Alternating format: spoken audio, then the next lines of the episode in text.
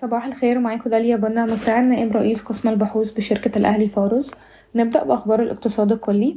قال وزير السياحة إن عدد السياح الوافدين في أول أربعين يوما من هذا العام ارتفع بنسبة خمسة في المية مقارنة بنفس الفترة من العام الماضي. استقبلت مصر رقما قياسيا بلغ أربعتاشر فاصل تسعة مليون سائح في عام عشرين تلاتة وعشرين. بلغ العجز التجاري لمصر 3 مليار دولار خلال ديسمبر 2023 وانخفض العجز التجاري لمصر خلال عام 2023 بنحو 11.2 مليار دولار مسجلا نحو 36.9 مليار دولار.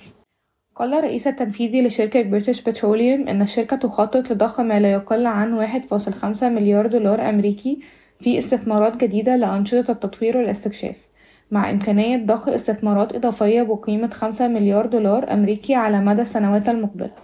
قال مدير منطقة شمال أفريقيا بمؤسسة التمويل الدولية إن مؤسسة التمويل الدولية تخطط لاستثمار نحو مليار دولار في مصر هذا العام وهو نفس المبلغ الذي استثمرته في مصر العام الماضي. وقعت المؤسسة الدولية الإسلامية لتمويل التجارة ITFC برنامج عملها السنوي مع مصر بقيمة واحد فاصل خمسة مليار دولار أمريكي وستدعم الأموال المخصصة للهيئة العامة للبترول والهيئة العامة للسلع التموينية مشتريات الدولة من الطاقة والسلع. من المقرر أن تستثمر الشركة السعودية المصرية للمعامل الطبية نحو 400 مليون جنيه مصري في السوق المصري هذا العام. كشف وزير المالية عن تفاصيل جديدة بشأن التعديلات المقترحة على قانون الموازنة الموحدة والتي تتضمن عرض ميزانيات جميع الهيئات الاقتصادية بالدولة البالغ عددها 59 هيئة وموازنة الدولة في موازنة موحدة جديدة. وستحدث هذه الخطوة تدريجيا على مدى خمس سنوات بدءا من السنة المالية عشرين أربعة وعشرين عشرين خمسة وعشرين وأضاف أن الحكومة تضع حاليا حدودا للديون لجميع الهيئات الحكومية والتي لا يمكن تجاوزها إلا من قبل مجلس النواب. قال رئيس السيسي إن إيرادات قناة السويس انخفضت بنسبة أربعين لخمسين في المية ويدعو رئيس السيسي إلى توفير تمويل منخفض التكلفة لدفع التحول الأخضر في مصر كما تعهدت سابقا الاقتصادات الكبرى. وافقت الهيئة العامة للرقابة المالية على قرار مجلس إدارة البورصة المصرية بشأن إعادة تقسيم سوق الأوراق المالية إلى أربعة أسواق رئيسية بدلا من سوقين.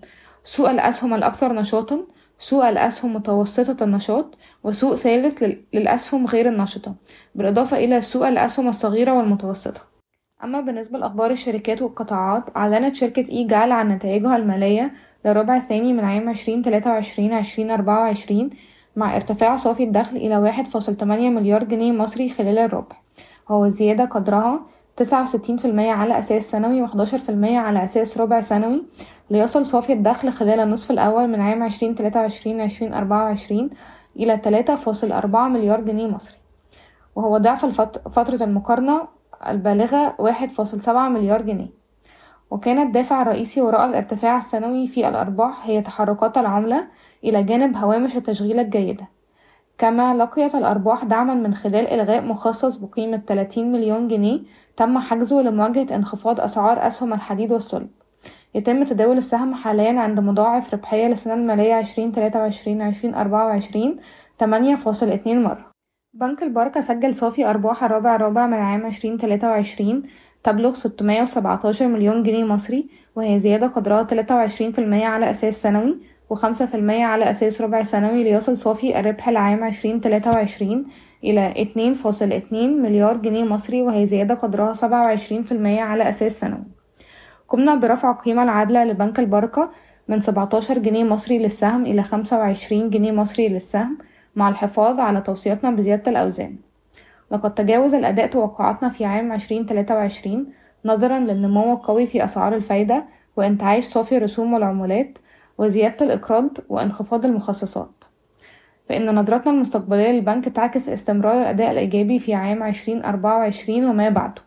يتم تداول السهم حاليا عند مضاعف ربحية لسنة 2024 بمقدار 5.2 مرة مع عائد على حقوق المساهمين يبلغ 21% سيقوم مصرف أبو ظبي الإسلامي بزيادة رأس ماله المرخص به إلى 10 مليار جنيه مصري بدلا من 7 مليار جنيه مصري ورأس ماله المدفوع والمصدر إلى 6 مليار جنيه مصري بدلا من 5 مليار جنيه مصري من خلال توزيع أسهم مجانية بنسبة سهم مجاني لكل خمسة أسهم أصليين ممولة من صافي أرباح عام 2023 تخطط شركة EFG Corp Solutions ذراع التأجير التمويلي والتقسيم لشركة EFG قابضة لتوفير تمويل لا يقل عن عشرة مليار جنيه مصري في عام عشرين أربعة وعشرين ارتفاعا من تمانية ونص مليار جنيه مصري قدمتها العام الماضي. وقعت المؤسسة الإسلامية لتنمية القطاع الخاص إحدى الشركات التابعة للبنك الإسلامي للتنمية السعودي خطاب نوايا مع, الب... مع بنك مصر لتقديم خط ائتمان بقيمة 30 مليون دولار أمريكي لتمويل مشروعات القطاع الخاص والشركات الصغيرة والمتوسطة. وتهدف مصر الآن إلى أن تشكل مصادر الطاقة المتجددة 60% من مزيج الطاقة لديها بحلول عام 2030 وفقا لبيان وزارة البترول مقارنة بالهدف السابق البالغ 40% أعطت وزارة الطاقة الإسرائيلية الضوء الأخضر لاتفاقية من شأنها أن تزيد إسرائيل صادراتها من الغاز إلى مصر من حقل تمارا البحري التابع لشركة شيفرون اعتبارا من يوليو 2025 وستزيد إسرائيل صادرات الغاز بمقدار أربعة مليار متر مكعب إضافيا سنويا على مدار الحداشر عاما القادمة وهو ما يمثل ثلاثة أضعاف ما يتم تصديره حاليا.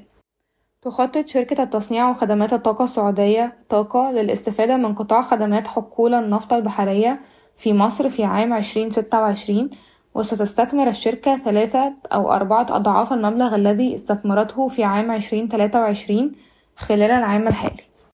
حصلت شركة سيتي لاب للتحاليل الطبية على موافقة الهيئة العامة للرقابة المالية بالتسجيل كما وافقت الهيئة على تقرير الإفصاح لغرض تداول أسهم الشركة المقيدة مؤقتا بالبورصة في سوق الشركات المتوسطة والصغيرة. وسيبدأ التداول على أسهم الشركة قبل نهاية شهر فبراير. شكرا ويومكم سعيد.